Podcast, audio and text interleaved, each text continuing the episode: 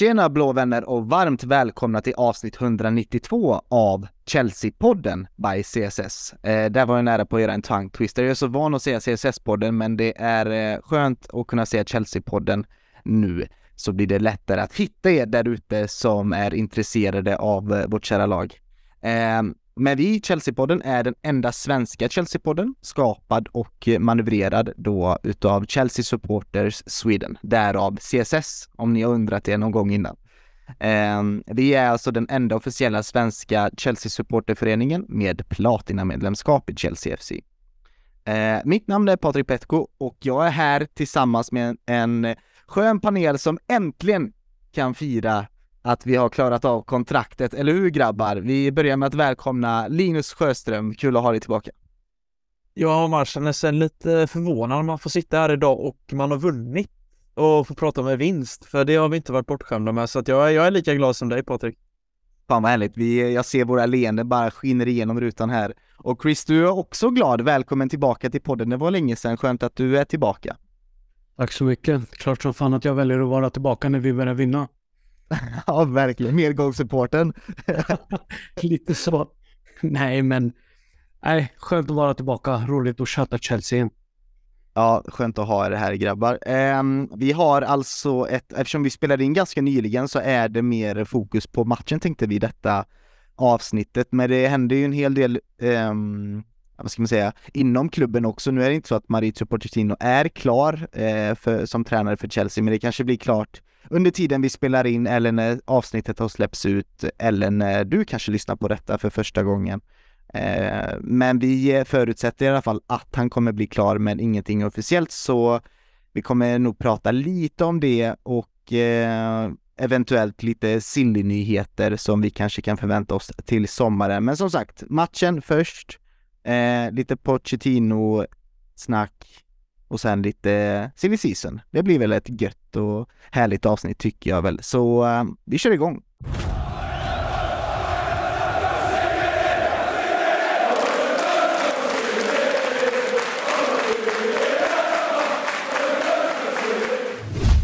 Ja, äntligen Linus. Vi säkrar kontraktet och Ehm, ja, det var ju Rasmus förra veckan som gjorde sin debut i podden, tippade faktiskt en 3-1 vinst till oss och det är kanske är så att han eh, ska vara med lite oftare i podden här och tippa vinster för oss för att han, eh, han var väl den här lycko, eh, lyckokaramellen vi behövde, eh, kanske inför eh, nu är vi ju fotbollssupportrar väldigt, eh, vad heter det, superstitious eh, oftast, så vi, vi, vi väljer att tro på det där, så han får ju vara med oftare och tippa vinster till oss men eh, jag kan inte säga att det var oväntat att vi, eh, vi vann.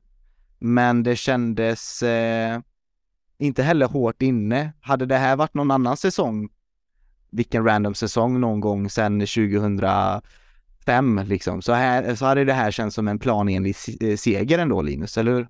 Ja, men exakt med den här spänningen som har blivit kring varje match och spelarna har ju verkligen varit känns som att den här ron som har funnits i klubben innan inte riktigt finns, vilket gör att varje match blir som nästan en final på Wembley känns det nästan som, för spelarna är eh, inte riktigt trygga i det de gör och när vi släpper in mål så blir vi också, också väldigt ängsliga oftast. Och det blir vi lite också i den här matchen när vi släpper in det där 1-1 målet, för då tänker jag att nu, nu kommer Bournemouth gå för det och det gjorde de ju.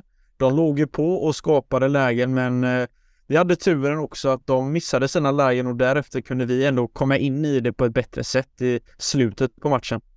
Mm. Och det här är alltså eh, senaste gången vi vann båda mötena mot Bournemouth i Premier League. Det var alltså säsongen 16-17 och det var då Antonio Conte var tränare och vi sprang hem ligan. Eh, Chris, eh, det är väl ändå skönt att vi kan slå Bournemouth två gånger, eh, både borta och hemma i, i ligan va? Som du sa tidigare, hade det varit vilken annan säsong som helst så hade ju detta varit planenligt. Men nu, ja. Skönt att vi kan slå något lag på de senaste 10-11 matcherna som vi har haft liksom. Eh, även det som Linus sa liksom att vi, det kändes ju som att vi släppte till lite väl för mycket efter 1-1 matchen så med facit i hand, fan vad skönt att vi vinner oavsett hur eller vad det såg ut som. Mm. Chelsea har inte alltså vunnit de sju senaste matcherna i Premier League där det har alltså varit fem förluster och två oavgjorda, så äntligen fick vi in eh, tre poäng och tre bollar in i mål. Det är också helt sjukt. Vi har alltså inte gjort på de här alltså sju senaste matcherna då, eh, där vi inte har vunnit, har vi bara gjort, eh, eh ska vi se, eh, två mål. Eh, så vi, vi gjorde fler mål denna matchen än vi har gjort de senaste sju matcherna. Eh, det är också någonting vi, eh, vi tar eh, med oss verkligen. Men ska vi kanske börja syna elvan där? För det var ju någonting vi pratade om förra avsnittet att eh, ja men eh, vi borde ju satsa ungt och börja tänka. Jag bad ju om att börja redan nu tänka på uh, denna matchen som en slags försäsongsmatch då och förlänga försäsongen. Och eh, jag kan inte säga att vi fick exakt det, men det var ändå trevligt att se mm, lite fler ungdomar på plan som vi har satsat på. Och det tänker jag mest Linus på Madueke och eh, Mudrik från start då. Ja, och jag blev även positivt överraskad att Lampard äntligen valde att starta Badiashil också, för det är en mittback jag uppskattar enormt och ser väldigt mycket ja, men, eh, framtid i Chelsea i honom. För jag menar tillsammans med Silva så tycker jag att han ser väldigt stabil ut när han har spelat och det, i den här matchen så gör han ju även mål. Så det är också en spelare jag gärna vill belysa. Men som du säger att Madueke och Mydrik får chanserna och tycker ändå att Madueke tar för sig för varje match och tar steg för steg. Mydrik är fortfarande lite i den här startsträckan jag tycker att det är lite Ja, men det, det, är fortfarande lite för många misstag som är enkla, men samtidigt så ser man att han har mycket i sig och eh, ger han en försäsong till så tror jag att det kan eh, bli spännande till hösten, för jag ser fram emot nästa säsong extremt mycket med alla dessa ungdomar och talanger vi har i den här truppen, för det, det är bredd på det.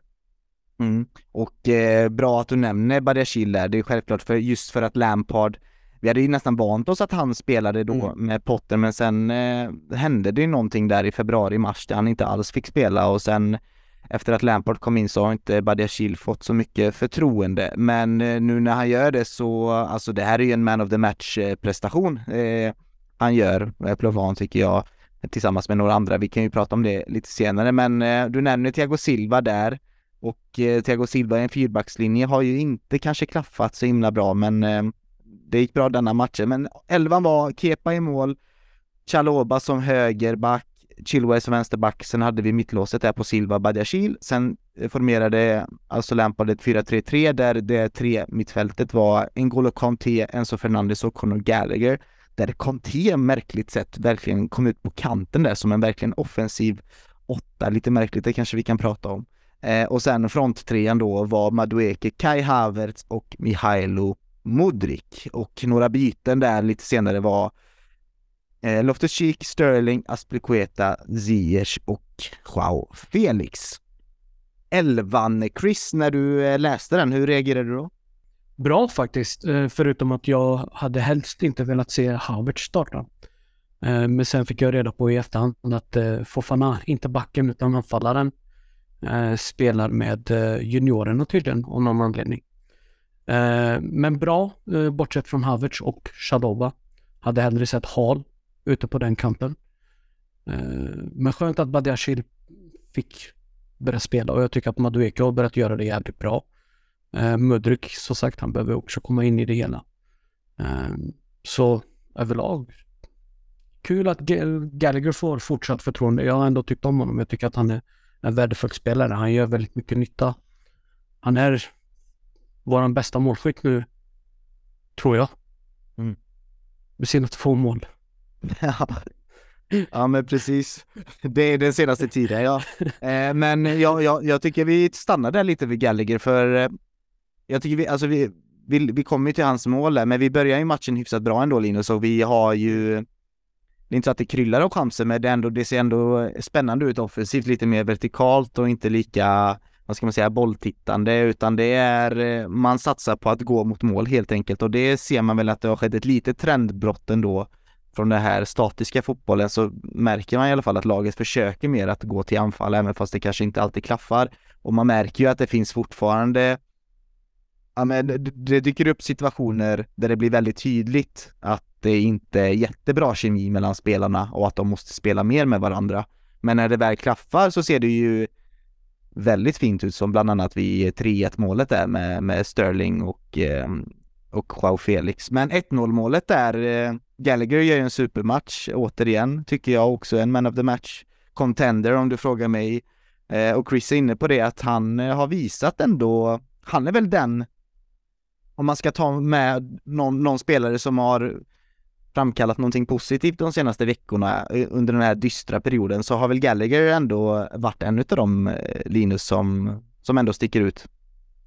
Ja, och det har ju inte varit en favorit hos mig för jag tycker att han saknar eh, det. Han brister väldigt mycket i det tekniska spelet och man ser det i de här när han har haft den offensiva rollen att det skapas ju inte så farliga chanser där han missar oftast i den sista passningen fram till anfallaren. Men nu har han ju faktiskt börjat levererar lite och även på egen hand då. Alltså det är ett snyggt mål vid första när Kanté med ett bra inlägg hittar inte Gallagher som avslutar på ett, med ett kliniskt sätt och eh, därefter så känner jag att det är ändå en spelare som har tagit ett större ansvar i dessa tyngre tider, absolut.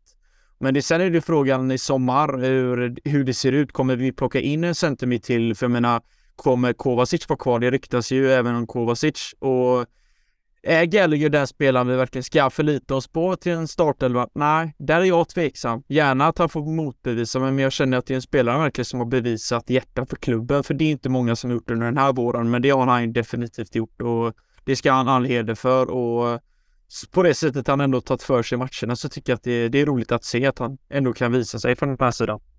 Det var tur att du sa det där med hjärta, för det var det jag ville inflika med att han må brista i det tekniska i anfallsspelet, men om det är någon som har visat hjärta från det att Tuchel fick sparken till att Potter tog över och fyra managers genom den här säsongen så är det ju Gallagher. Om inte jag misstar mig, hans första inhopp med Tuchel så fick han rött kort efter, vad var det? 21 minuter eller vad det nu var. Han är den enda som har visat hjärta, rakt av. Och i, i gott och ont får, får man lov att säga liksom. Och det är någonting jag tycker har saknats med det här laget hela säsongen. Mm. Så därav så blir Gallagher min, alltså player of the season, rakt av. Ja, redan nu säger du det? Ja, säsongen är över för våran del. Det är inte så mycket mer att...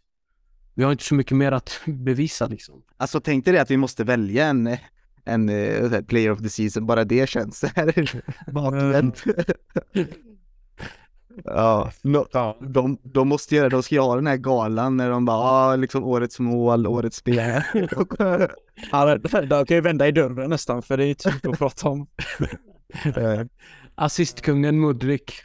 Ja, det är Nej men uh, Gallagher som sagt, uh, är det någonting han vinner uh, väldigt mycket på så är det hjärta. Ja, det är, jag tycker han saknar ganska mycket spelförståelse för att spela i de mm. allra bästa lagen, tycker jag. Det tekniska går ju att eh, förfina liksom med att spela enkelt liksom. Eh, Lampard, eh, eller Steven Gerrard hade inte heller den bästa tekniken och visst, han visade också ledarskap, men han, han hade ju också en, en spelförståelse som var väldigt hög. Um, så ja, det, det är väl det som saknas. Jag, ty jag tycker fortfarande att han behöver kanske spela i ett lag som är ett snäpp under, men han har varit väldigt, väldigt bra för laget tror jag.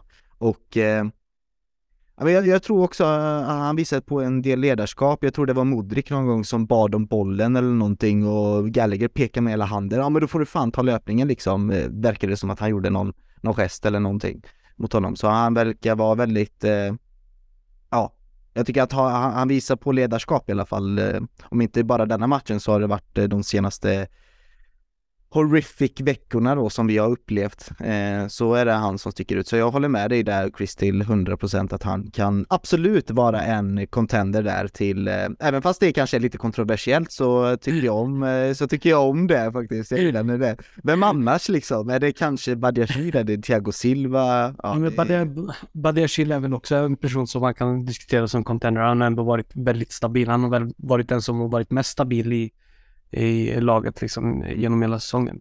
Men gällande det Linus sa om att ska det här vara personer som leder vårt mittfält? Nej, det ska det inte vara.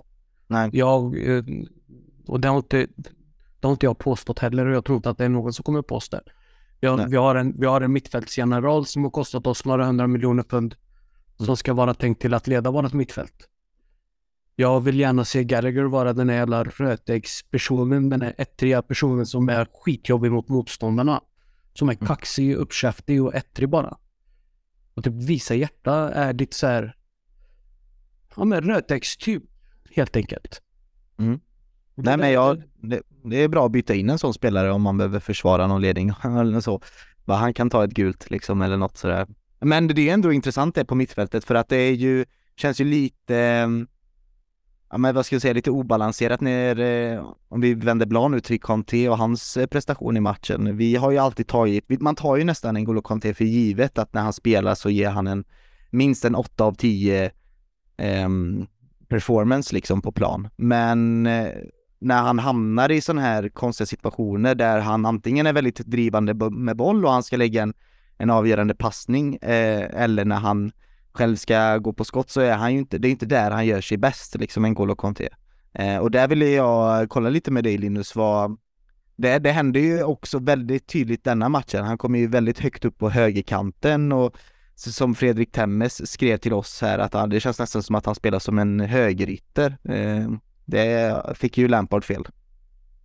Ja, och det, vi vet ju även om assisten var fin så inte det. Vi vill ha Kanté, vi vill ha han i mitten och gräver upp bollarna och transporterar den vidare. Men lite det under Sarri där så fick han också en framskjuten roll och då gjorde han ju faktiskt en del mål också.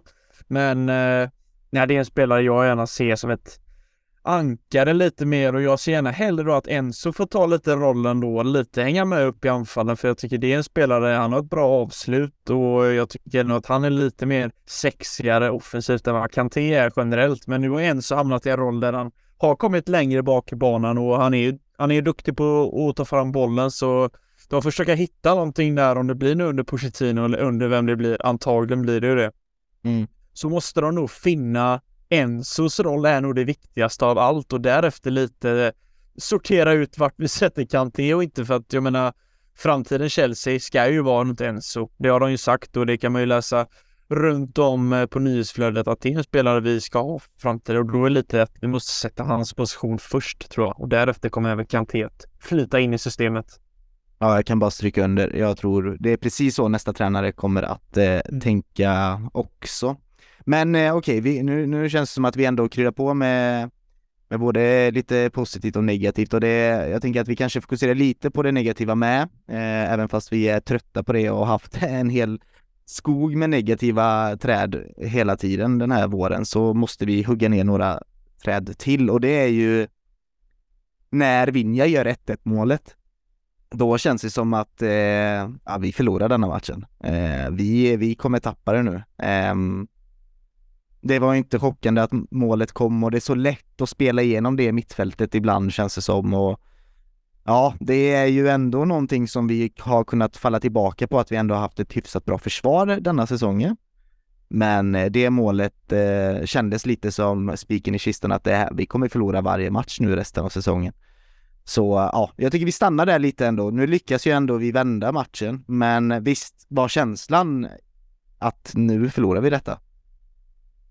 Ja, och jag tror också att spelarna är lite så här nu, fan är vi här igen? Är det dags igen? Ska vi mm. förlora mm. det här? Men jag menar det... Det var ett snyggt mål förresten, det måste man ändå säga. Även fast det ser enkelt ut att spela igenom mittfältet så var det ju ganska snyggt. Ja, precis. Och Vinja gör ju det fantastiskt. Alltså mål, avslutet är ju hög klass. Men samtidigt som du säger det här, eh, alltså ibland är det som att skära genom smör i vårat mittfält. Man glider egentligen igenom det ganska enkelt och det behöver inte vara så avancerade eh, aktioner för att komma fram till målchansen. För sen har det ju varit en hel del mål vi har släppt in där. Även Kepa, man tycker att han kan ta bollarna. Men den här är ju svårt att lasta Kepa för tycker jag. Den, det, det är ett svårt skott, men eh, samtidigt så tycker jag att det, det är för enkelt. Man ska inte kunna komma till avslut på det sättet. Och jag menar, Chelsea har ju snackat om inför matchen att det ska nog täppa igen och så bjuder vi återigen på det här. Det är nog lite jobbigt för både Lampard och spelarna själva såklart. Mm. Sen går vi in, sen spelar vi alltså 20 minuter till, när vi går till halvlek, det står lika läge 1-1. Andra halvlek börjar, händer inte så jättemycket. Vi får inte igång spelet, det är fortfarande lite skärrat och sådär och sen i minut eh, 63 då väljer Frank Lampard att agera och ta ut eh, Mihailo Modric och eh, N'Golo Conte och sätter in alltså Loftus-Cheek och Raheem Sterling. Eh, det hände inte så jättemycket fram tills dess att vi byter ut eh, Chilwell eh, och eh, Noni Madueke då, sätter in Ziyech och Aspilicueta och vi kan stanna där med Ziyech han är ju ändå, han är ju eh, den som eh, och assisterar Badiashil där vid den frisparken vid assisten. Och vi pratade om det i förra avsnittet att varför spelar Ziyech när man vet att han ändå kommer dra? Och då vill jag bara fråga er två här nu då. Jag är ju, jag, jag tycker ju att vi borde spela eller att vi borde behandla de här matcherna som en försäsong och redan förbereda oss till hösten. Men är, är ni mer åt det här att vi gör vad som, vad som krävs för att vinna matchen? Eh, just nu. Vi kan ju börja med Chris. Hur, hur tänker du där? När, när det kommer till hur vi ska formera laget och byten och så vidare. Jag eh, tycker att just nu så gäller det att eh, vinna tillbaka glädjen hos fansen. Mer än något annat. Eh, jag tror att det är mycket där man behöver som förening sätta fokus på liksom. Att man behöver vinna tillbaka lite utav den här glädjen som vi har förlorat extremt mycket av den här säsongen. Eh, så därav så jag förstår din, ditt resonemang med att behandla de här matcherna som en försäsong. Dock har vi inte den nya tränaren på plats. Vi har inte de eventuellt nya spelarna. Vi har inte den nya formationen. Vi har inte... Det är så mycket som måste klaffa för att kunna behandla detta som match. Pratar vi mer om att försöka behandla detta som att akklimat akklimatisera in spelare. Mm. Unga spelare, spelare som behöver lite seniorfotboll och så vidare. Då kan jag hålla med om att ja, men det är någonting vi kan göra. Vi kan se till att förlora resten av matcherna, men då blir alltså hela fansbasen eh, skogstokiga liksom. Mm. Um, jobbigt läge, men jag tror att vinna matcher är rätt väg att gå. Uh, oavsett vem det är som providar vinsten. Nu var det Ziyech i det här fallet då som gjorde faktiskt ett jävligt bra inhopp. Uh, sett till vad man har fått ut av honom i många matcher. Så jag landar i det svaret. Vinna matcher över mm försäsong. Det är intressant det. Jag tycker du eh, lyfter en bra poäng. Det har ju eh, vurmats mycket här annars och i andra forum att lika bra spela med ungdomar och, och eh, ladda för nästa säsong. Men det är att vinna matcher Linus och ge fansen något att glädjas åt. Det, det kan man, det är ju verkligen inte underskattat.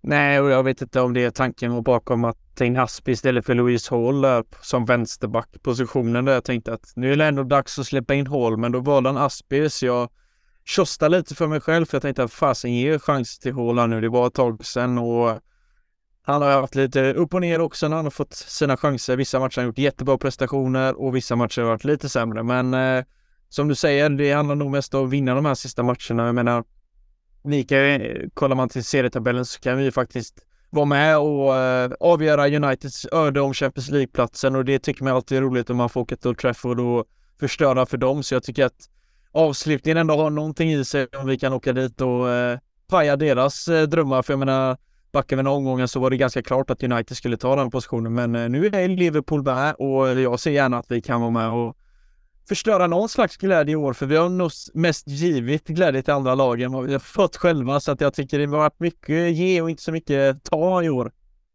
Det är verkligen, vi var ju, vi hade ju en chans där mot Arsenal som vi sumpade rejält, även fast det ser ut som att um, City tar hem detta. Man vet aldrig, det är ju några matcher kvar, så vad som helst kan ju hända.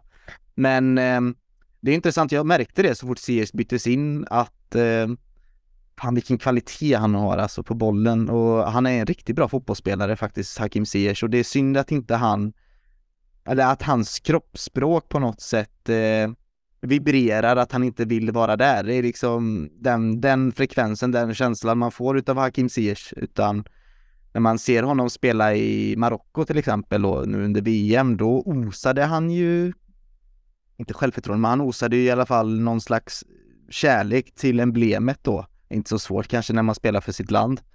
Men eh, stundtal så har man ju sett det i Chelsea-tröjan också och där han många gånger har gått iväg med Man of the Match eh, Mm. Och eh, jag håller med Chris där, hans inhopp eh, var bra och eh, ja, från att han byts in så tycker jag att han är bäst på plan och ser väldigt eh, kreativ och eh, ja, men bra ut liksom. Bra spelförståelse och väldigt, väldigt fin vänsterfot som som vi vet. Så ja, vi kanske har höjt hans marknadsvärde med några miljoner eh, euro möjligtvis, så det är väl alltid någonting. Men eh, jag tycker vi hoppar över då till eh, 3-1 målet. Alltså Badiashil sätter ju då det här eh, 2-1 målet efter den här fina frisparken då av Siers. Eh, kul för honom att göra mål. Badiashil. Men 3-1 målet gillar jag skarpt alltså. Det är mest för att ja, men det, det är ett riktigt anfall liksom som som börjar från höger ytter straffområde, eller förlåt, vänster, på vänstra sidan. Där Sterling bryter in och eh, dribblar av två personer och hittar Felix och Felix drar in den på första med vänstern, va? På, mot första stolpe. Väldigt läckert mål och enkelt och ja, fotboll behöver inte vara svårare än så, eh, Chris. Nej, man borde ju tycka det va? Men ändå så lyckas vi göra det svårare än vad det är ibland. Nej, men eh, skönt att vi får le efter ett sånt mål. Mm. Som att det inte är ett måfå-mål, liksom Bader man kan diskutera om att det var kaotiskt i straffområdet liksom. Um, men det här var ju som du sa ett läckert fotbollsmål. Man jublade. Det var vackert. Det är fotboll. Mm. Skönt att se att Sterling får göra så sjukt bra aktioner igen. Felix tar sig in i rätt yta som han har gjort flera gånger och faktiskt få utdelning på hans avslut för en gångs skull. Jag tror han leder ligan på att träffa stolpe och ribba liksom och så får den här komma in. Mm. Så skönt. Skönt fotbollsmål. Alltså det är betydelselöst mål mer än att det var en försäkran till att vi faktiskt vinner matchen men ändå skönt på något sätt. Jag vet inte hur jag ska förklara det. Lite svårt. Ja men jag, jag håller med. Alltså det, det, det känns som att oh, vi kan göra, vi kan starta ett anfall mot en låg blockad men samtidigt eh, liksom hitta bollen eh, in i nät Linus. Visst, vi kändes det som att eh, det här är proper fotboll liksom? Ja, men det var lite klappkappspel. Det gick snabbt och eh, bollen gick i mål och därefter känner man ju den här alltså efterlängtade glädjen till att fan, vi har nog tre poäng här. För den har man inte varit... Ja, men det var typ den känslan jag fick att eh, eh, börjarna sitta där. Oh, tre poäng, vad gör det i tabellen? Ja, just det, inte ett skit, men eh, det är ändå tre poäng och vi säkrade ett kontrakt i 34 omgången. Eh, ja, nu låter jag lite ironisk, men alltså det blir ju ändå någon, alltså man satt där bara fan, ja, vi får spela eh, Premier League och fansen bjöd på liksom We Stay Up och du vet, man kände ändå att av all den här jävla misären så kunde man ändå eh, få fram något positivt i det här att nu bara kan vi lägga den här säsongen lite bakom oss. Jag menar, vad fan. Jag menar, Nottingham i helgen blir ju lite roligare nu tack vare den här vinsten. Det gör ju att vi ändå kan bygga någonting av det vi ändå vann senast. Jag tror att spelarna också känner att fan, kan vi inte försöka avsluta på topp? Alltså även, jag menar, många spelare kommer nog försvinna och de här spelarna vill också visa sig vad de går för sista omgången också, förhoppningsvis. Mm. Ja men så är det och jag tycker den som hade det den bästa chanten det är ju eh, Badiashile nu, jag gillar den låten alltså. Den, ja, jag måste dra den. Todd Bowley went to France in a Lamborghini brought us back a center back Benoit Badiashile. Bra. Den lät, den lät riktigt bra alltså, den, jag gillar den skarpt alltså. Eh, det är kul att... Mm. Har du tänkt på att söka till Idol 2024 eller? Ja, jag har redan eh, varit med. Jag gick till, eh, jag gick till final faktiskt. Ah, riktigt bra. Nej, riktigt bra. Den var rolig. Jag kanske ska vara med i så här Masked Singer så kan jag vara med som en Chelsea-maskott eller någonting. ja. ja, det kanske är bättre. Men ja, vi stänger denna matchen och eh, tre poäng då och tre mål gjorda tar vi med oss därifrån. Um, så ja, fan vad gött med en vinst. Och eh, någon som stod på tränarbänken var ju alltså Frank Lampard och frågan är, är detta kanske den sista matchen han gör eller hinner han med en till nu till helgen? Det är ju frågan för att det här Pochettino-ryktet blir ju bara hetare och hetare och eh, det sista jag har läst på Twitter och det vi här i panelen har uppdaterat oss om är ju att eh, Ja men det är it's imminent som man brukar säga, alltså att det kan ske när som helst eh, idag eller imorgon. Och det har ju varit, det har ju snackats om det nu i två, tre veckor eller två veckor att det kan vara, att det är imminent. Men nu känns det ju verkligen nära och att han ska tydligen ha tittat på något kontrakt och nu väntar Chelsea bara på att göra någon eh, slags uttalande kring, kring det hela. Och frågan är ju då, kommer han ta över tidigare eller kommer han ta över i eh, slutet av säsongen, precis när försäsongen börjar då, eller innan försäsongen börjar? Vad, eh, vad tror ni av det ni har läst och det ni har fått, eh, fått till er, eh, Chris? Den är jobbig. Den är svår. Uh, man känner ju till Pochettino väldigt väl. Dels från Southampton och dels från Tottenham men även från det att han gick till PSG också. Um, han har gjort det bra. Han gjorde det bra i Southampton och i eh, Tottenham, men PSG gick det inte lika bra. Eh, jag satt och kollade igenom hans filosofi lite tidigare idag och försökte lista ut liksom vad är det för... Kommer han köra på det som han hade i Tottenham och kollade hur han förde över det han hade i Tottenham till PSG till exempel. Där bytte han ju formationer och taktik för att passa in i det laget. Liksom han mixade mycket med 4-2-3-1 till 4-4-2 till och med ett tag. Eh, filosofin har väl varit densamma och han vill ju bygga upp spelet bakifrån med bolltrygga, dels målvakter, en bolltrygg backlinje och en bolltrygg mittfält liksom. Låter precis som varenda jävla tränare i hela världen just nu. Men Frågan är inte hur han kommer att spela fotboll. Frågan är hur han kommer få det här laget. Och det är där frågan ligger hos mig. Eh, hur kommer han se till att vi tar oss ur den här stormen som har varit liksom under flera år nu? Är det rätt person?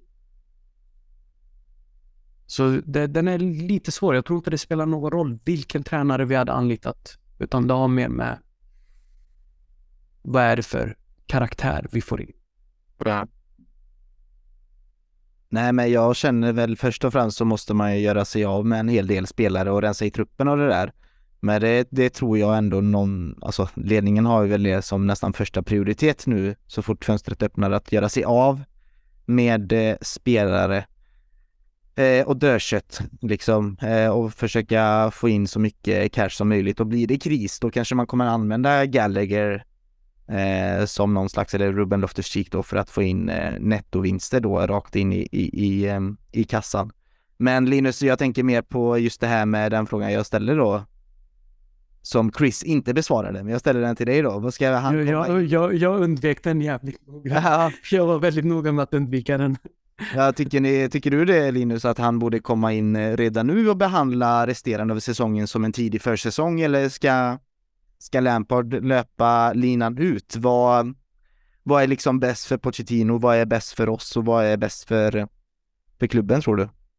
Nej, men jag tycker att eh, eh presentera honom eh, så snart som möjligt, men låt han ta över efter säsongen och låt Lampard få köra klart de här matcherna. För eh, Pochettino har inte så mycket mer att vinna om han skulle gå in nu och ja, men han kommer inte sätta ett spel på de här få matcherna. Är hellre då att han får vara med och sitta på läktaren, se hur det här laget verkligen fungerar och hur jädra, ja men liksom hur dysfunktionellt det har varit och han kanske redan nu om han bara får sätta sig och analysera laget lite noggrannare och se de här svaga punkterna, vad vi behöver arbeta med.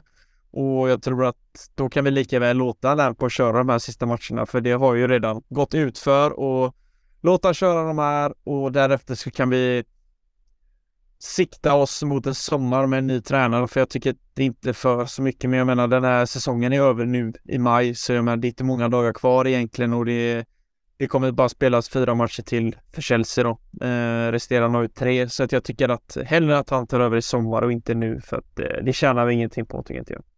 Det kanske har varit eh, klart en längre tid bara. Ja, eh, exakt. Eh, bara att det inte har på något sätt läckt ut, vilket sådana här saker brukar göra eh, till slut. Och det har ju varit, eh, alltså fotbollssupportrar på Twitter är ju roliga, de leker ju detektiver och sånt där. Och det var någon som hade sett eh, Pochettinos fru lägga upp en bild när hon landar i London från ett flygplan. Och då tänker man, wow, Pochettino är, frus är, äh, Pochettinos fru är i London.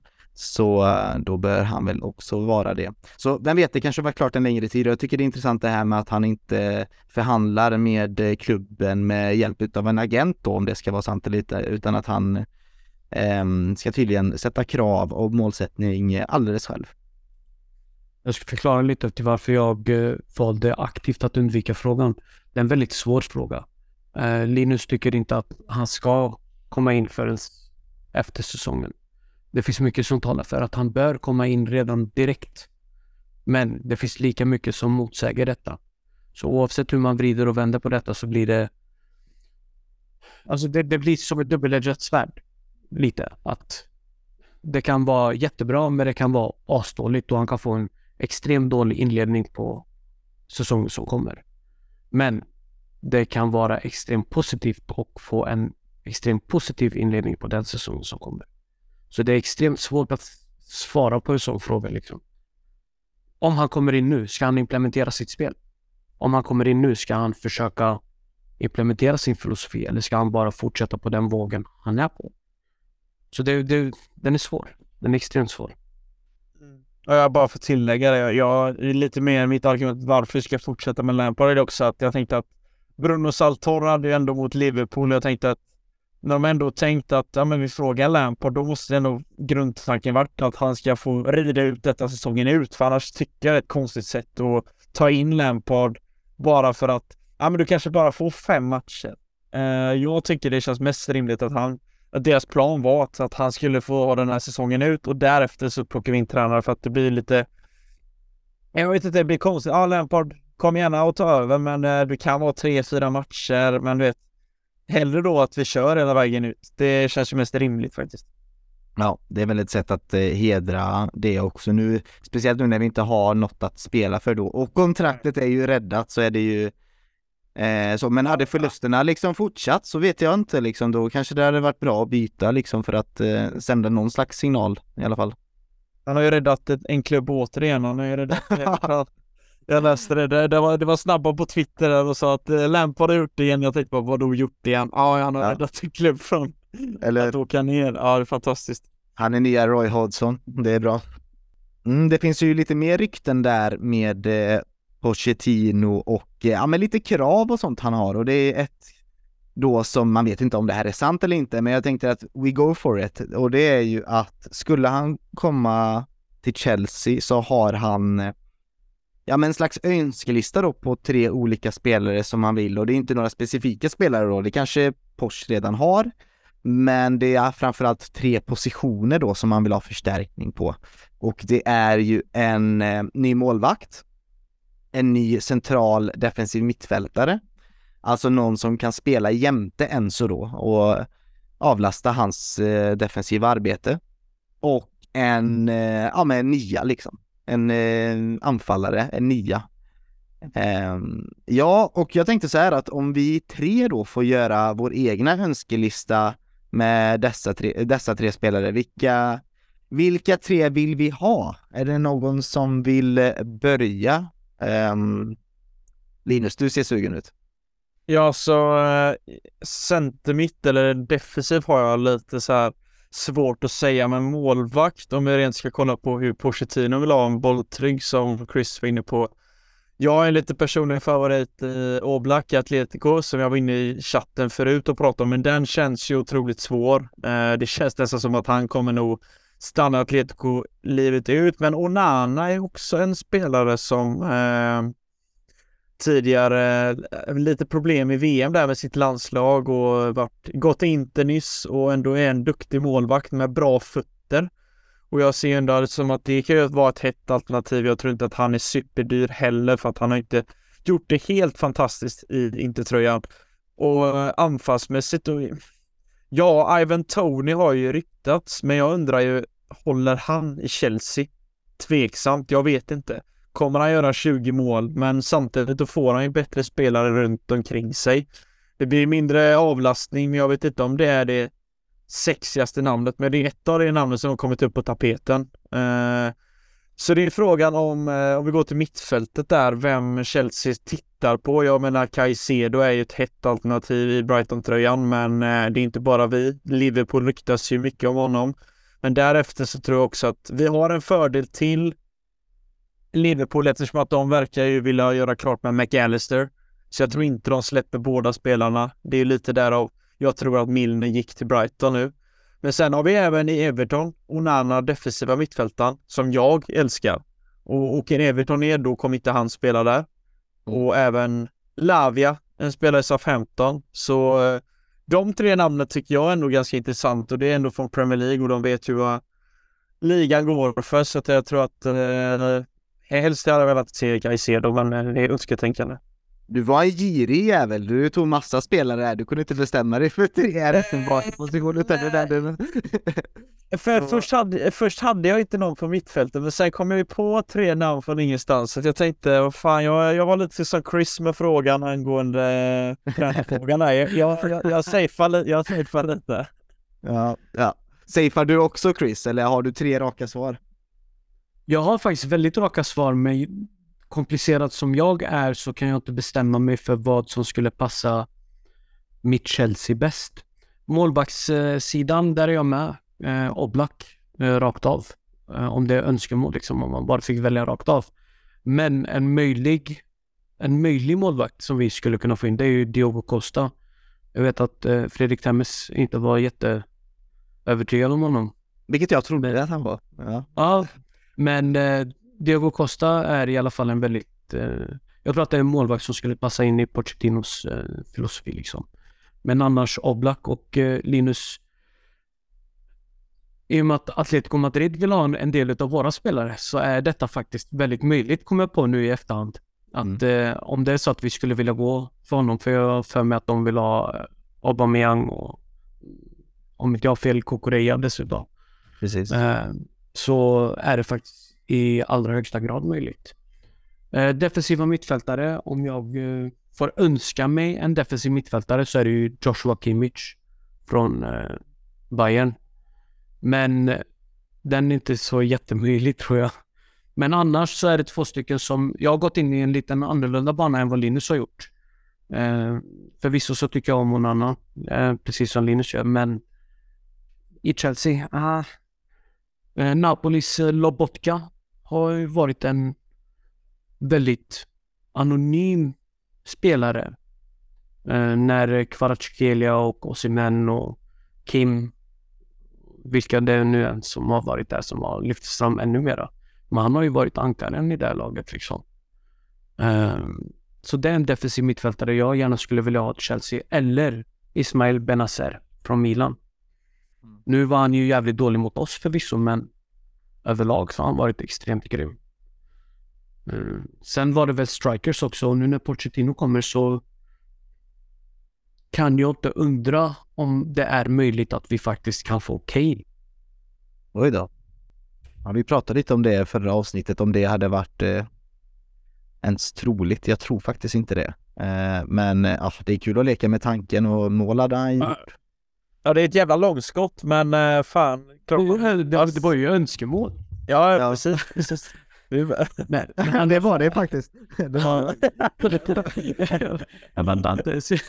Okej. Men då, då, då skiter vi i önskemålen då. Det som är möjligt är väl Osimhen eller Ramos från eh, Benfica. Eh, eller eventuellt Vlahovic till och med. Ja, ja intressant med Vlahovic faktiskt. Men jag tar mina tre då så kan vi diskutera detta sen vad... För mig är det Gregor Kobel. Jag tycker att han har ganska bra stats bakom sig som visar på att han, eh, att han skulle kunna passa i en storklubb. Plus att han är väldigt duktig med fötterna.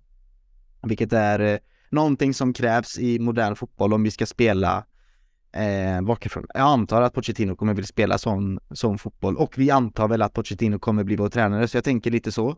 Eh, sen eh, Declan Rice är det utan tvekan den jag vill ha jämte Enzo Fernandes om det är möjligt att ens köpa honom. Eh, han har ju ett år kvar på sitt kontrakt och enligt eh, West Ham så vill, eh, eller enligt Sky Sports så vill West Ham ha 120 miljoner euro för honom. Om han ska gå till en Champions League-klubb. Skulle han inte gå till en Champions League-klubb, vilket Chelsea inte kommer vara nästa säsong, så kanske det finns lite förhandlingsutrymme där förhoppningsvis och Ehm, ja, det ligger väl i, i Rice händer lite mer än eh, det gjorde förra säsongen nu, vad som hände med hans framtid. Eh, plus att eh, han kan vara lite den här, det som Dembélé var för eh, Pochettino i Spurs, kan han vara för oss tror jag. Eh, och eh, anfallet är det väl ganska enkelt att jag vill ha in Victor Osimhen, men jag tror faktiskt inte att det, han kommer gå någonstans denna sommaren nu efter att de har säkrat ligan. Eh, jag vet faktiskt inte, det kommer nog bli väldigt svårt att få loss eh, Osimhen om man inte verkligen splash the cash. Um, Gonzalo Ramos, ja intressant. Inte tänkt så mycket på det. Höjlund går jag inte på. Eh, jag tycker anfallsfrågan är lite svår. Jag gillar ändå din Ivan Tony-plagg eh, där Linus. Jag gillar Ivan Tony, men det är ju den här det är ju den här frågan med den här bettingskandalen då och allt mm. det där, så om det ligger ju i luften, men han hade ju, jag tror, jag är övertygad om att han hade öst in mål för oss. Ja, alltså det är ju såklart, det hade ju varit en fantastisk tillgång och det är ju alltid roligt när det är just brittiska anfallare, engels, engelsman i detta fallet, som verkligen tar för sig i Premier League och jag menar, kan han göra så många mål i Brentford, varför ska han inte kunna göra det i Chelsea? Och man har bättre spelare runt omkring sig och vi vet ju att det är en kylig straffskytt också som vi får på köpet och han har ju visat sig vara en anfallare som kan göra mål i Premier League. Det har varit bra siffror båda säsongerna och har ju varit en bidragande faktor till varför Brentford går så stabilt i Premier League som de gör. Och jag tänker att varför ska vi inte heller kanske varför ska man inte ta chansen och kanske plocka in honom? I, för jag menar, det finns många anfallare i Europa tillgängligt men eh, prislapparna är ju eh, otroligt höga och Osimhen som jag varit inne på. Det är ju, nu har de vunnit ligan, de kommer spela Champions League igen, det gör inte Chelsea. Han, hans prislapp har inte sjunkit med säsongens prestationer så att det där är också så här. Ska vi verkligen gå på en sån stor värvning igen? Ska vi kanske kolla på hyllan lite längre ner? Eller ska vi göra en sommar igen när vi handlar sönder? Jag vet inte. Det, det är så svårt. Det är en vågskål som eh, är väldigt svår att beräkna. Det gäller Todd Bowley när han ska handla. Eller så lyckas man få över Lukaku på Pochettinos sida och så kan han kanske... Exakt, ja. Ja, du vet, göra sin grej med fansen så att uh, vi tycker om honom igen. Det vet vi inte heller. Det finns ju möjlighet där och han kan ju göra mål. Men uh, Chris, du nämnde Dusan Vlahovic. Alltså mycket bra fotbollsspelare. Det är ju lite så att han har blivit lite han har väl drunknat lite i den Juventus-tröjan och eh, inte fått, han har ju haft lite problem med skador och sånt där också, men eh, det tror jag man skulle kanske kunna rea till sig en, en bra värvning, men samtidigt får jag lite känslan av att åh oh nej, det här är en ny Morata eller Falcao, liksom. Någon som det kommer ligga mycket press på eh, redan från daget och det kommer det bli på vilken anfallare vi än köper, så därför tror jag att en Ivan Tony-värvning är, är, smartare. Eller vad, vad, känner du likadant där med den här nya förbannelsen som finns, Chris, att köper vi någon stor striker som, du vet, inom citattecken garanterar mål. Eh, det är inte många nior som klarar av den pressen i Chelsea. Jag tror att Chelsea har gjort det misstaget i flera år nu. Att köpa en typ av eh, anfallare utifrån vissa kriterier som inte passar oss. Liksom de enda två anfallarna som har funkat, eller tre rättare sagt, som har funkat någorlunda, det är ju Drogba, Costa, till viss del Giroud. Mm. Och alla har samma typ av kroppsbyggnad, liksom stora starka fotbollsspelare. Uh, lite röd... In... Lite mer target. target. Ja, men, ja, exakt liksom. Um, Kane är ju en typisk sån. Och Osimhen kan vara sån. Vlahovic, kan han vara sån liksom om man kollar på hur han var i Fiorentina och varför det inte har gått så bra i Juventus. Man har ju liksom brutit ner väldigt mycket om varför vissa anfallare funkar för vissa lag och inte för andra lag. Varför Lukaku inte funkade för oss men han funkar sjukt bra för Inter och Belgien till exempel. Ehm, de måste ju passa in i det spelet som man har. Och innan vi bestämmer oss för en anfallare liksom, så måste vi veta hur ska vi spela.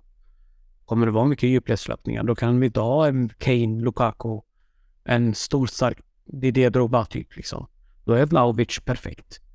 Men behöver, ska vi ha en target, en robust anfallare liksom, ja men då är det väl en annan typ av...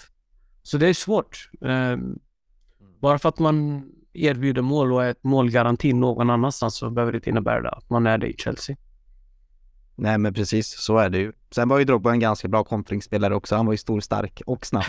eh, så det, det är vissa spelare som har allt. Men det är svårt att hitta dem och de är dyra på marknaden. Eh, om, man vill få in, om man vill få in alla de här checkboxarna ifyllda på en, hur en anfallare ska vara så måste man ju kolla på liksom Cristiano Ronaldo eller Erling Haaland liksom. Det är väl de de är, de är ju liksom superexemplen på en, ja, men en superfotbollsspelare som förmodligen är gjorda i något laboratorium i Kina eller någonting.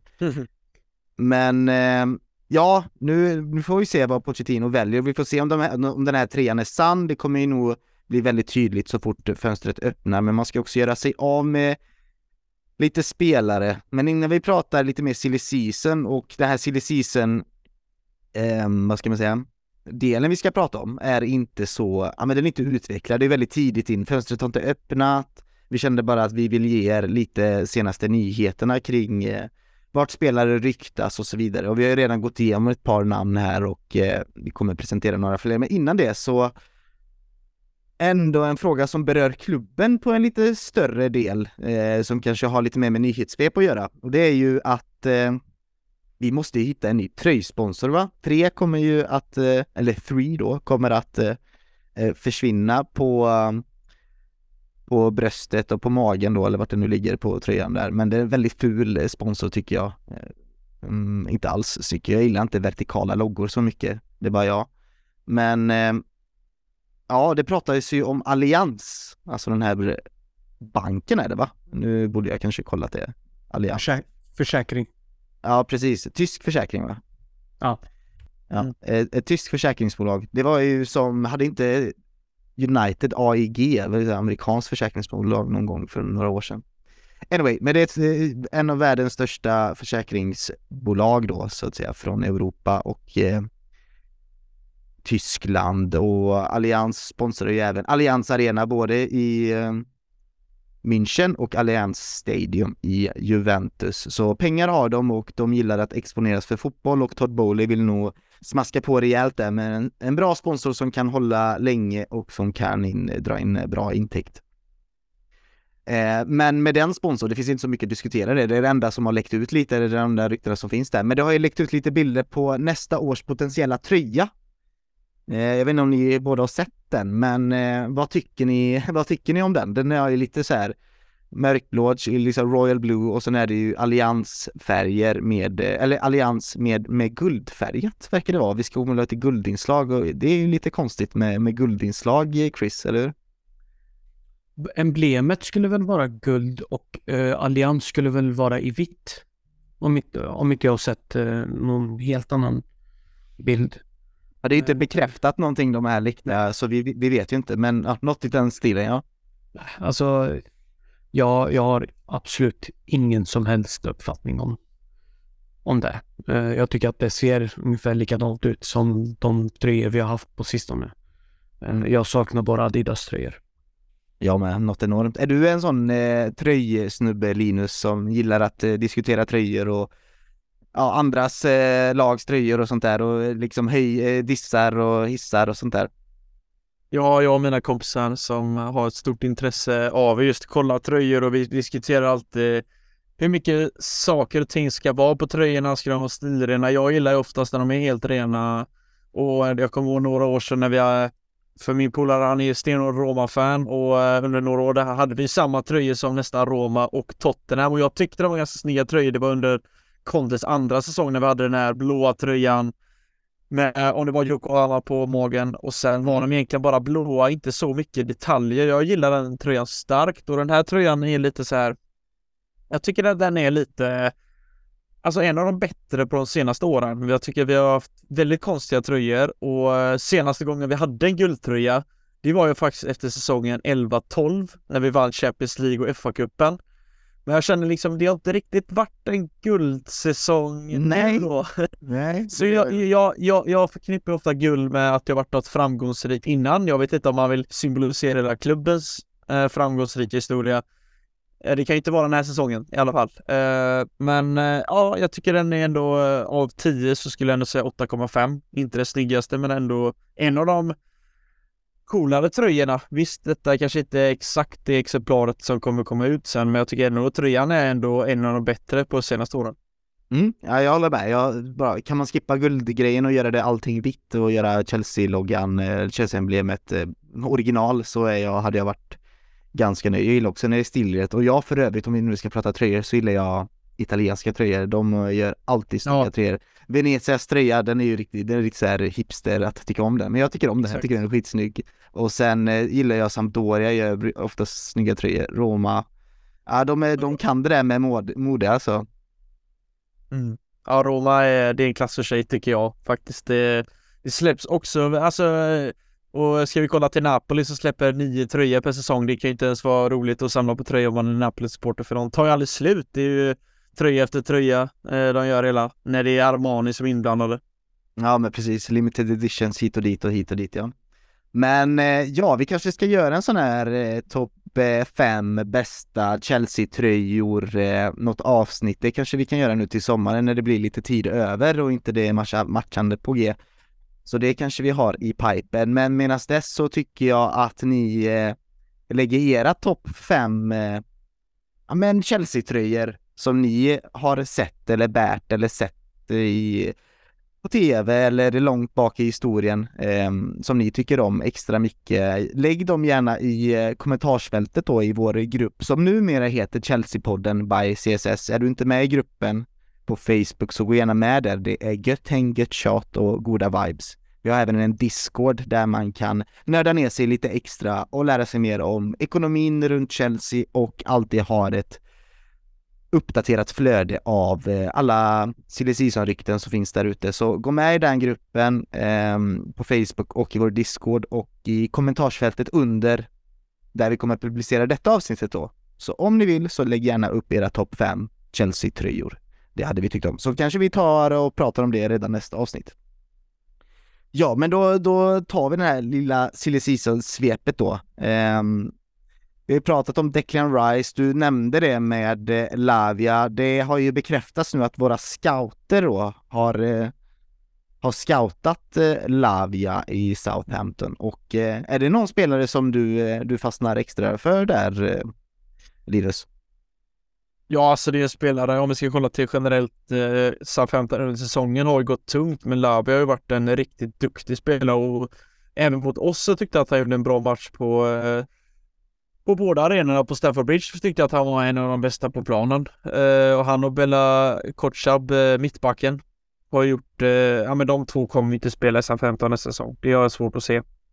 Det är två unga spelare som verkligen har tagit för sig och Lavia och tycker jag har varit ett ankare där för SM-15 som Även om de har lite poäng så tror jag att de hade haft ännu färre om inte Lavia spela och det är en väldigt ung spelare som spelar med, eh, med stort självförtroende och pondus som jag, ja men man ser inte det så jädra ofta hos säsongsspelare så att ta för sig så mycket på Premier League-nivå liksom. Mm. Jag tror han hade passat in bra i, i Liverpool där faktiskt och om eh, de får ju McAllister också, de måste ju verkligen förnya sitt mittfält då. Han hade säkert kunnat passa in hos oss också. Eh, men vi hoppar snabbt till nästa, Chris, och det är ju, du har väl hört det här med Neymar va, alltså få stått fans utanför hans hans hus och han känner sig eh, ja, men lite halvtrakasserad och eh, ja, uppenbart att han har problem då i Paris och eh, vill lämna då för Premier League, vilket det verkar vara. Och det, självklart så dyker ju Chelsea upp där i ryktessfären och United och Newcastle och så vidare. Men ja, hade du sett honom i, i Chelsea-blått, eh, Mr Neymar?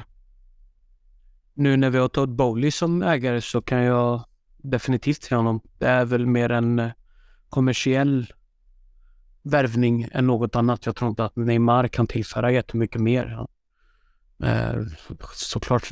Jag- skulle inte gå ut och säga att han inte kan tillföra jättemycket. Det är fortfarande en utav liksom, världens bästa fotbollsspelare. Det är inte det jag menar. Men han börjar komma till åldern. Eh, han har varit skadebenägen väldigt länge och jag har lite problem med det här med att lägga sig ner efter varje duell och tror man att man ska komma till Premier League och inte åka på en, en, en och en annan tackling så är man helt fel ute. Och jag känner väl bara att det inte är en sån spelare jag vill ha. Liksom i Chelsea. När han gör det bra. Vilken fantastisk fotbollsspelare men det, då om det ska krävas att jag ska säga när han väl gör det bra så känner jag inte att det är någon som jag vill ha helt enkelt. Nej, det kanske inte är det som är rätt när vi redan har eh, ungdomar där som ska prestera i, på den offensiva delen. Men det är alltid kul att leka med tanken med att få in lite brasilianska höfter in på Stamford Bridge. Det är ju alltid spännande. Eh, det tycker man ju om. Men nej, det är nog bara en drömvärld. Men man vet aldrig. Som sagt, det är Todd Bowley och eh, vad som helst kan hända. Pulisic verkar också vara i kontakt med Napoli. Napoli ska ha, ha kollat på möjligheten att köpa loss honom. De är inte riktigt nöjda med priset och där vet vi att De Laurentiis och hans gubbar nere i Neapel är väldigt tuffa förhandlare och eh, lyckas alltid göra en bra deal till sin egna gagn eh, flera gånger. Det är bra affärsmän helt enkelt och affärskvinnor där nere i Neapel som rattar den klubben. Så vi får se om de kanske lyckas förhandla till sig Pulisic för en bra deal. Det hade väl ingen eh, gråtit blod för, förutom några amerikanska Chelsea-fans, möjligtvis. Um, sen har vi ju Sadio Mané där som det, det har inte klaffat riktigt där i Bayern München och uh, där vill jag bara ha ett kort svar då innan vi hoppar på nästa spelare. Skulle ni uh, vilja se Sadio Mané i, i Chelsea, ja eller nej? Linus? Nej. Ja, alltså, ja, varför inte? Jag menar, vad fan kollar man hur bra han har varit i Liverpool, han har varit i Bayern en säsong, jag menar i Premier League, han har gjort kaos innan så att eh, det beror på prislappen men eh, jag skulle inte tacka nej om vi får chansen för det är en spelare vi även kan nyttja som ytter så att eh, jag skulle sagt ja. Mm. Chris? Nej. Nej, varför inte? Sett till åldern och antalet spelare vi har på den positionen som behöver utvecklas så ser jag ingen anledning att byta ut Sterling mot Mané. Lite samma situation som Neymar då helt enkelt.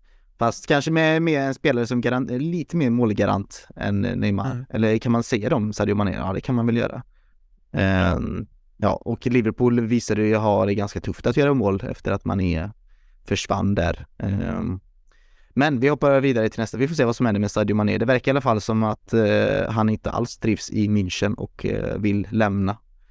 Eh, Kovacic, det här är ju intressant med herr Matteo Kovacic, vår kära kroat som emellanåt är bäst på plan och emellanåt är ett spöke av sitt eh, forna jag, eh, speciellt denna säsongen. Och eh, vad säger vi om Kovacic? Det ryktas ju både att Manchester City vill ha honom och att det ska ske någon slags Bayern eh, eller att Tuchel vill ha tillbaka honom till Bayern då eh, eller tillbaka, alltså tillbaka till sitt, till sitt, till sitt lag, eh, herr Kovacic. Och att City vill ha Kovacic, det säger en hel del om, eh, om Matteo Kovacic. Visst, visst gör det det, Chris? Definitivt. Eh, det finns väl, om de är smarta nog, finns det ingen chans i världen att vi släpper honom. Han kan ju fortfarande tillföra extremt mycket och jag tycker han har väldigt mycket fart och flärd när han väl spelar sina sina bra matcher och han har den uppbackningen han har. Um, nej, jag tycker om Kova jättemycket. Mm. Är han tillräckligt, eh, skulle han börja bli en bättre poängspelare i Linus för att fler Chelsea-fans skulle värdera honom högre tror du? Ja, ja givetvis. Alltså poäng gör ju så att man får mer uppmärksamhet och mer förkärlek för en spelare, men han är ju inte riktigt den typen och ser man det jobbet han lägger ner på planen, om man analyserar grovt, vilket vi gillar att göra och verkligen tar ner det till grunden, så ser man ju hur nyttig han är för Chelsea. Jag menar, när vi vann Champions League, han och Kanté och Jorginho, alltså det var ju ett jädra hästjobb på mittfältet de gjorde, vilket även resulterade att vi vann titlar, så att det är en spelare som är underskattad i mina ögon. Men eh, gör inte så mycket poäng, men när han väl gör det så är det ju klassmål och jag kommer inte glömma det målet han gör mot Liverpool när han backar liksom ur situationen och dundrar in den i bortre. Eh, alltså jag menar, det målet mot Leicester är också ett snyggt mål eh, när vi vann borta den här säsongen faktiskt, eh, för att poängtera det. Mm. Så eh, han gör ofta snygga mål, men det händer för sällan. Så kan man säga. Mm, intressant spelare, Matteo Kovacic, just för att han också känns som en liten systemspelare. Jag tror inte man kan slänga in honom i vilket lag som helst och han hade presterat utan att han behöver spela en viss typ utav possession-fotboll för att agera. Men han har också visat sig vara väldigt eh, dödlig i, eh, i snabb kontringsfotboll eller när man försöker bygga upp sitt anfall snabbt då, eh, där han oftast kan lägga en, eh, eller han för ju ofta bollen från försvar till offensivt mittfält väldigt lyckosamt och han, kan, han är väldigt bra på att slå sin första press. Så det tror jag inte hade varit bra för oss om han drar. Han är också en väldigt senior spelare som förmodligen har väldigt mycket respekt utav de yngre spelare och någon eh, de yngre kan eh, lära sig utav. Så honom vill jag helst inte att vi släpper. André Onana pratade vi om lite. Det ryktas ju också om att Chelsea ska vara intresserade av honom då i att byta ut målvakt, eh, få in Onana. Det pratade vi om innan. Och sen är det det här med Chao Felix. Uh, Atletico har ju bekräftat att de kommer inte släppa honom under 88 miljoner euro. Och är det så att de bara vill spela hårda och tuffa, eh, det vet vi inte. Men om det stämmer så säger jag tack och hej Joao, tack för den här våren. Eh, men nej tack. Vad känner ni likadant? Ja, det, det håller jag med och du sa det ganska passande där. Ciao, alltså. Ja, det är gott. Ciao. Lite, lite Göteborgs uh, humor där, men alltså. Uh, jag var tvungen att tillägga det. Nej, men alltså det, det är ju. Uh, det är för stor prispeng för en sån spelare. Alltså. Och vi ser ju att det han brister i anfalls i avslutningarna. Alltså han har bränt väldigt mycket. Han kommer till lägen när man väl ska avsluta så är det ribba eller stolpe eller så är det utanför. Och det blir lite för lite poäng för så mycket pengar så att jag håller med dig där Patrik. Mm. Sen om, eh, som Chris var inne på, det finns ju det här andra då som Nisar, eh, Nisar Kinsella eh, sa idag att Atletico Madrid är intresserade av Pierre-Emerick Aubameyang och Marco Correa. Och om man skulle kunna göra någon slags bytesaffär där, Chris, då kanske inte den här dealen känns så jävla dålig ändå. Nej, men om vi ska få till någon typ av bytesaffär så tycker jag att vi ska försöka gå för Oblak eh, över Joao Felix. Men om inte Oblak är ett alternativ så ja, det är en bytesaffär där vi kan få honom för en extremt mycket billigare peng. Då tackar jag inte nej. Han är ingen mm. dålig fotbollsspelare. Nej, nej absolut inte. Alltså om vi tänker lite som, eh, Spurs, eller som Spurs eh, spelade då med eh, Son, vilka vad hade de på topp? Son, Kane och sen hade de Eriksen väl som en eh, droppande, eller så här, han var väl typ 10 och de hade, typ 8. De hade Lukas Mora till höger, Son till vänster, Kane uppe på topp, uh, Eriksen. Och så hade de två... Dembélé. Dembélé och... Uh, vem hade Sissoko, de? va? Ja, just det. Och så hade de Alderweireld och Vertongen. Kyle Walker. Nej, jo, Kyle Walker. Ja. Danny Rose också va? Och, exakt. Det är nog den startelvan jag kan komma ihåg. ja, ja. ja, men precis. Och, och vi, om vi nu ska lägga, alltså vart, om, vi, om man skulle spela ett 4-2-3-1 där, då har vi ju då har vi ju liksom, vilka, vem ska vara tian? Är det liksom Haver? Om vi ser, ponera att vi får in en anfallare då, då är ju Vem ska vara våran son? Är det liksom Modric eller är det Mount eller är det Sterling eller är det eh, Joao Felix, är det Havertz, är du med? Den, det tycker jag är lurigt att klura ut där. Och där kommer ju Porsche ha en del att säga till om, eh, tror jag. Eh. Hur tänker ni där? Hur tänker du Linus? Ja, det hade varit kul om Mount får komma tillbaka och få den här rollen, för jag gillar när han tar bollen liksom i den offensiva delen och för den framåt, för han är ju lite det där jag har sett i de lägena Gallagher har fått i år i det offensiva spelet, i den här sista passningen, det är de passningarna jag har sett av Mount sätta på foten på spelarna innan. Ja, och det är ju där det har varit att man har känt att fan vad tomt det är när vi inte har en spelare som kan göra de där den sista passningen fram till anfallaren eller ut på kanten som verkligen hotar. Det har varit mycket felpass och vända hem och bara spela centralt och safea så att hade inte, vi, hade inte det varit fel liksom att få in Mount i den rollen kanske och bara ge han mycket speltid, sätta han på en försäsong liksom i den rollen och bara nöta i varje match och jag tror definitivt att Mount kan stå för eh, en 10, 10 plus 10 säsong om eh, saker och ting lyckas nästa. Att han verkligen bromstrar och tar eh, större kliv för att han har verkligen tagit några steg tillbaka den här säsongen och det här jävla kontraktet som jag diskuterat fram och tillbaka. Man är lite trött på den diskussionen, men eh, om det löser sig och han stannar så ser jag gärna han i en tia-roll. Jag håller med och eh, det är också det senaste ryktet är att han, eh, att det blir bara närmare och närmare en signering. Men eh, ja, det känns ju bara tjatigt att säga det så vi, vi släpper det. Inga mer Mount-nyheter förrän det finns faktiskt något att ta på där. Så ja, det var en liten silly uppdatering. Eh, vi får se vad, hur många av de här ryktena som kommer att komma till fruition nu till sommaren. Så jag tycker vi vänder blad och tittar framåt mot en eh, match mot eh, Nottingham Forest. Ja, då är det säsongen snart över, men vi har alltså fyra matcher kvar i Premier League att eh, spela av, om man vill säga så.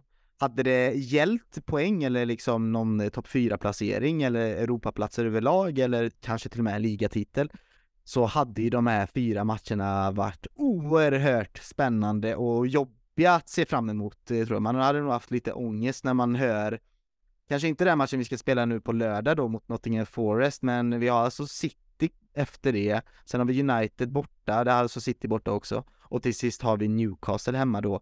Det är tre lag som har visat sig ändå tillhöra de bästa i eh, England och då tänker jag framförallt kanske mest på Manchester City som kanske också är det bästa laget i världen just nu med en viss norrman som bara sprutar in mål och slår eh, Premier League-rekord när det gör antal gjorda mål på en säsong. Så nej, när man hör de här lagen så känner man sig inte supertaggad. Men nu när vi inte har någonting att spela för grabbar så känns det här, ja ja, man rycker lite på axeln och bara, ah ja kom an då. Vi ska förstöra fester här och vi gillar ju att förstöra fester som, som Chelsea-supportrar. Men Linus, vi har ju eh, först eh, Nottingham Forest då som slåss om överlevnad i Premier League att eh, möta innan vi möter eh, tre lite större jättar som slåss om eh, andra viktiga saker. Men alla har ju någonting att slåss för de här topp, eh, de här lagen som vi ska möta, men Nottingham Forest slåss om överlevnad och då kan man inte underskatta dem. Nej, och definitivt inte efter matchen de gjorde igår som var helt galen. De vann ju mot SA-15 med 4-3 och med stor sannolikhet även har nog skickat ut SA-15. Eh, det var nästan deras sista chans igår, eh, men den eh, chansen tog Nottingham Forest och tog ett bra kliv upp på 33 poäng, så nu är det ändå tre poäng ner till understrecket där Leicester, Leeds och SA-15 ligger just nu. Men eh, den här matchen för dem betyder extremt mycket. En vinst här, då är ju Premier League-kontraktet nästan säkrat. Eh, nästintill.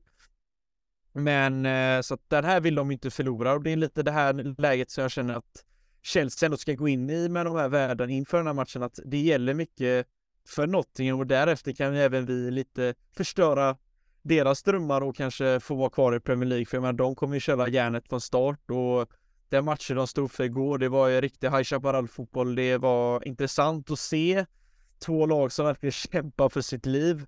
Och eh, det är verkligen det här man vill se i slutet av en säsong, när lagen verkligen kämpar om att få spela i Premier League nästa säsong. Mm. Och eh, några spelare jag har anmärkt under säsongen som jag har tagit, som jag ändå tycker tagit några slags kliv, det är ju bland annat Danilo som de har plockat in. De har ju tagit in oerhört många, många spelare den här säsongen. Men han är en spelare som gjorde ett av målen och gör ett fantastiskt jobb på mittfältet. Även eh, Gibbs White eh, värvades ju från Wolves för en rekordsumma på eh, 400 miljoner någonting. Eh, kom in med höga förväntningar, har kanske inte riktigt levererat eh, till dem men har faktiskt levlat upp och tagit eh, och gjort en hel del viktiga poäng för Nottingham Forest det senaste så att han också är en spelare vi kanske måste ha ögonen på och sen är det ju det här Eh, försvarsspelet. Jag tycker att det är väldigt varierat. De släpper in väldigt många mål och jag menar de har ändå Aurier, Lodi som ytterbackar. Det är ganska offensiva spelare och Felipe och Niakate då eh, Niakate, eh, mittbackar. Och där har de även Navas i mål, så att jag menar det, det är inget dåligt lag de har på pappret, men vad de har fått ut i poäng är ju dessvärre sämre. Så att jag tror att eh, det kommer bli en tuff match och eh, Nottingham kommer gå för det till 100% och det är frågan om vi orkar och har motivationen motivationer till att verkligen ja, men eh, liksom trycka ner eh, Nottingham och visa att det är vi som bestämmer här. För den senaste tiden har ju inte vi fått resultaten och Nottingham har vunnit, förlorat, vunnit, förlorat det senaste. Så att jag tror att de verkligen vill, ja men, göra ett sista försök nu att få vara kvar i Premier League. För förlorar man mot Chelsea nu i helgen så blir det ännu tuffare. Så att jag tror att de ser möjligheten att kunna komma till Stafford Bridge och ta hem alla tre poängen faktiskt. Nottingham Forest och eh, Chelsea är ju två praktexempel på att det inte liksom bara går att köpa in en massa spelare och förvänta sig att det ska, att det ska funka och vi eh, på något sjukt sätt har vi mer, mer gemensamt med Nottingham Forest med något annat lag i Premier League denna säsongen. Eh, just att man, ja men man satsade stort Eh, Eh, det gjorde de ju självklart för att försöka rädda sig kvar i Premier League efter att de hade spelat upp sig från eh, Championship förra året. Eh, och vi gjorde det för att satsa på, ja men satsa på nytt och ungt och titlar liksom. Så visst, det var ju två olika mål vi hade, men resultatet blev ju pannkaka för, för båda lagen. Men Nottingham Forest ändå, du vet stundtals så visar de ju upp ganska liksom bra fotboll tycker jag. Ibland får de mm. till det och de har ju stört stora lag innan. Ehm, så vi ska ju absolut ha respekt för det. Jag minns den matchen, det vi inledde väl året, eh, spelades mm. väl första januari mot dem va? 1-1 och det var någonstans då vi kunde, vi Chelsea-fans kunde bekräfta någonstans Chris att Fan, det var Sterling som tror jag tog ledningen då på City Ground eh, tidigt i första halvlek och de eh, ja, vi vann inte den matchen och då fick vi, vi det bekräftat att det är någonting fel. Det är någonting ruttet i Chelsea nu, att vi inte vinner de här matcherna. Eh, vi ska ju slå Nottingham Forest och de hade ju dålig form in till dess, till den här matchen också. Men det är ju, det blir ju lite, det blir ju lite svårt att liksom veta vart man har detta Nottingham Forest, för ibland så vill de spela fotboll, ibland är de precis som oss främlingar på plan. Ja, gällande just den matchen vi hade vid årsskiftet här så var det ju den matchen som vi tänkte ja, men skulle vara nyskottet liksom. Det, att vi skulle vända på den negativa trenden som var. Uh, nu har inte jag följt Nottingham Forest uh, lika slaviskt som uh, vissa andra har gjort kanske men de var så nytt lag. Jag tror att det är det enda laget som har typ värvat lika mycket som vi har gjort under det här. Ja, de har värvat de har värvat mer till och med tror jag om jag inte missminner mig med Jag har inte det på papper men jag tror att de har värvat fler spelare än oss faktiskt. Ja, och så liksom att de skulle blanda och ge, det var väl väldigt väntat. Eh, men det ska inte vara ett lag mer än mer än att de egentligen kämpar för att hålla sig kvar nu. Eh, som ska vara någonting som ska vara oroväckande från det laget. Eh, Gibbs White, Orier.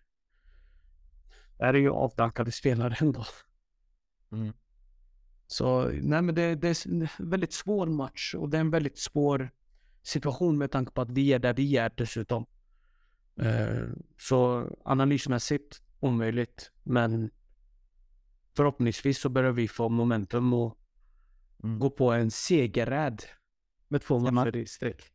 Ja, det hade varit enormt skönt. Och ska vi gå på historia så lutar det mest åt Chelsea. Alltså de senaste sex matcherna vi har spelat mot Nottingham Forest på eh, Stamford Bridge så har vi slått dem varje gång och vi har gjort minst två mål varje match de senaste sex matcherna mot just Nottingham Forest på Stamford Bridge. Det är ju någonting att ta med sig, men de sista, sista fem mötena var, har varit i liksom i kupper eh, av olika slag. Men eh, något annat som, är, som också talar till Chelseas eh, fördel är ju att Nottingham Forest har alltså förlorat de senaste sju bortamatcherna i Premier League. Eh, och eh, ja, det är deras värsta bortastatistik sedan eh, tidigt 60-tal. Så eh, ja, mycket talar ju för att eh, de kommer få det tufft på Stamford Bridge, men vi vet ju att vi gärna, som du var inne på Linus, ger bort eh, möjligheter till andra och inte tar chansen när den väl dyker upp. Så svårtippad match, men eh, det mesta lutar ändå åt eh, vårt håll och förhoppningsvis kan vi bygga lite momentum som du sa Chris, från den förra matchen och få in eh, två vinster i rad där. Men för att det ska ske då, vad, vad vill vi se från laget? Är det Först och främst är det väl dags att vinna hemma för sina fans va, men eh, när jag tänker på eh, startelvan väckte ju en hel del tankar från eh, förra matchen där och jag känner, är det något liknande vi vill se där? Vi kan ju börja med, med dig Chris, vill vi se Badiashil, Madueke och Modric eh, och de här yngre förmågorna igen? Eller liksom, ska vi köra på rutin och vinna matchen? Nej, jag tycker att vi fullföljer det konceptet som gav oss en vinst vilket är lite svårt med tanke på att det var Ziyech som fick hoppa in. Men eh, Madueka har ju varit bra nu i några matcher eh, och har ändå han har ändå varit den spelare som har visat att han vill framåt.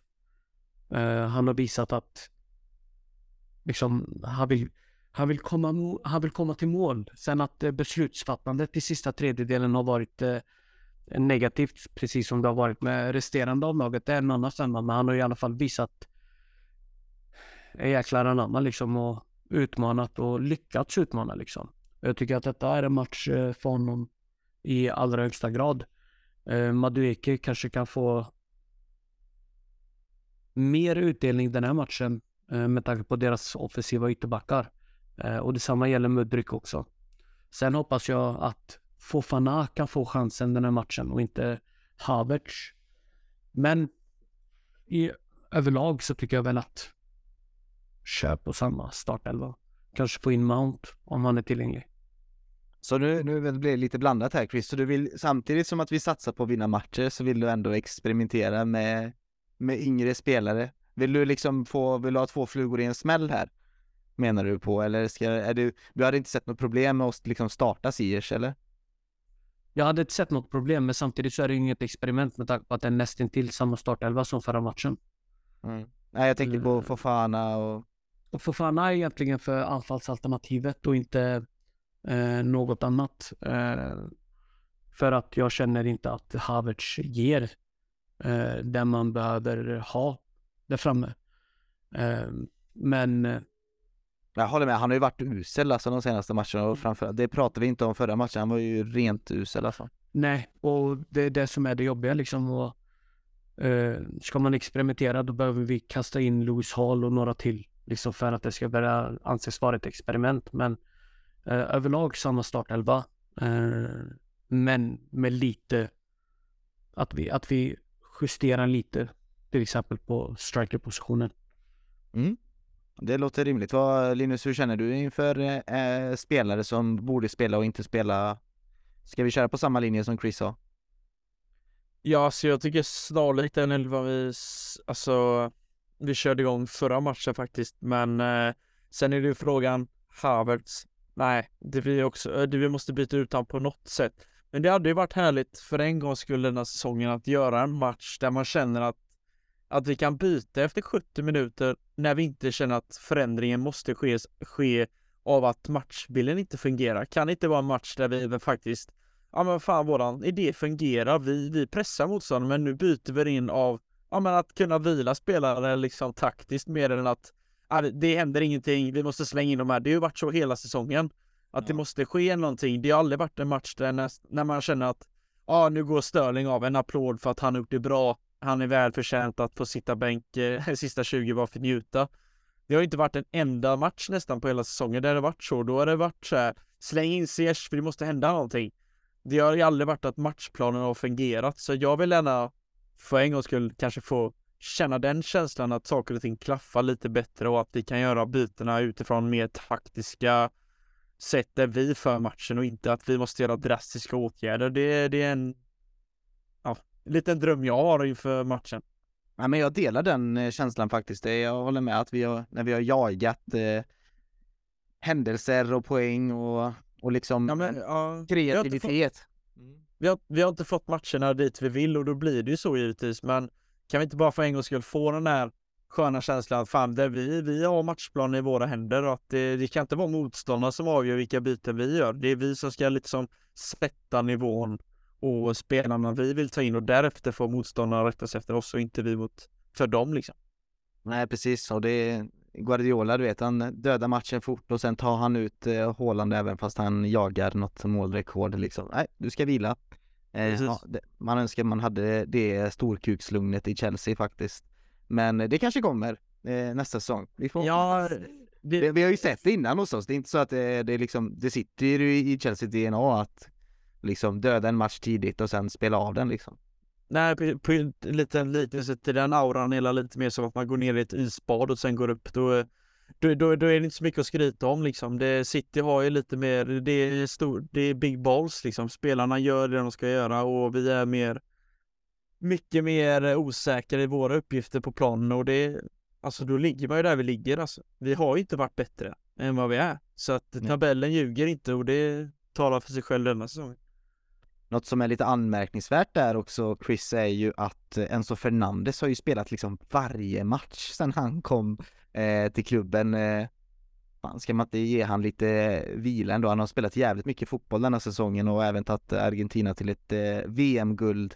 Eh, borde inte han få eh, vila lite, Enzo Fernandes, och låta kanske Chukwuemeka eller någon annan spännande mittfältare göra ett gott intryck? Det är väl upp till honom själv att bedöma antar jag. Nej men eh, är han tillgänglig, känner sig frisk och är glad över att spela fotboll så tycker jag väl att han ska spela. Eh, så att han kan växa in i den rollen han behöver ha i Chelsea. Mm. Eh, så är det så att han själv inte känner att han är trött så låt honom fortsätta bara. Kan han bara få växa in i den rollen mycket, mycket snabbare. Precis, och eh, skynda på sina Duolingo-lektioner så att han lär sig engelska fortare så kommer det gå ännu fortare att eh, bli en del av det här laget och förhoppningsvis motorn och eh, den framtida ledaren på, uh, på mittfältet, en mittfältsgeneral som vi har saknat en längre period då. Eh, ja men eh, fan, ska vi tippa matchen och så stänger vi butiken? Chris, vill du tippa? Jag säger 3-1 till oss. Ja, safe bet. Du vill ha det exakt likadant som förra matchen. Samma elva, samma... Ändra, ändra inte på någonting. 3-1. 3-1 och ett kepa-misstag får bjuda på vad det är, målet eller någonting va? Eller ett drömmål kanske? Drömmål är bättre än kepa-misstag. Ja, absolut. Alla dagar i veckan. Linus? Uh, 4-1. 4-1. Jag slår på den stora trumman. Vad fan, vi kan få, få lite islossning nu känner jag.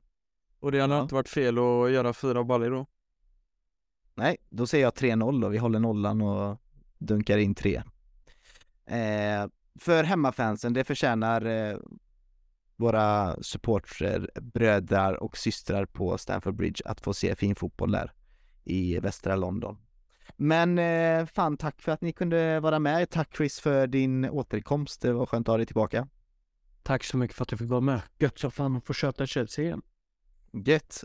Vi hoppas du har njutit av din eh, terapistund här och Linus, eh, stort tack eh, för att du är ständigt med närvarande och bidrar till podden.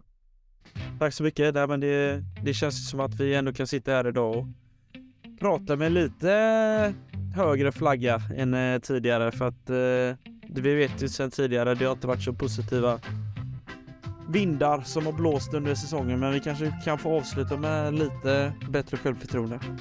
Verkligen skönt att spela Premier League igen. Det, det känns... Eh, och det är skönt att bli, skönt att blivit påmind om det också, att man inte ska ta det för givet. Eh, vi är säkert Chelsea-supportrar som lyssnar på detta, som är lite äldre till åren, som har upplevt eh, sämre perioder i klubbens historia och för er så är detta Ja, ni tänker äh, det är vi, vi kommer tillbaka. Medan vi yngre som har kanske bara upplevt den här storhetstiden då i modern historia känner eh, oj jäklar vad händer nu? Nu blir allting osäkert och oklart. Så eh, ja, men det är en bra läxa för oss att känna detta med. Men och eh, hörni, tack för att ni har lyssnat och gillar du vad vi gör eh, så kan ni självklart också um, lämna fem stjärnor i era poddappar i Podme och alla de här, vad de nu heter. Ehm, och eh, vill ni vara med och påverka innehållet i podden eller kommentera dagens avsnitt så kan ni gå med i vår grupp som heter då Chelsea-podden by CSS på Facebook. Ehm, ett annat sätt att vara en del av föreningen och de senaste nyheterna i Chelsea och Chelsea Supporters Sweden är att gå in på våra svenska fans på svenskafans.com england Chelsea. Där kan man ta del av matchrapporter, analyser och krönikor. Det kommer ut även lite sköna matchbetyg då som eh, Linus bland annat skriver och ibland ger underkänt till hela laget. Vi får hoppas att han inte gör det på lördag om det är nu han som skriver dem. Eh, stort tack till alla ni som bidrar och skriver för våra svenska fans. Eh, det är vi jättetacksamma över. Och eh, stort tack till dig som har lyssnat idag. Keep the blue flag flying high.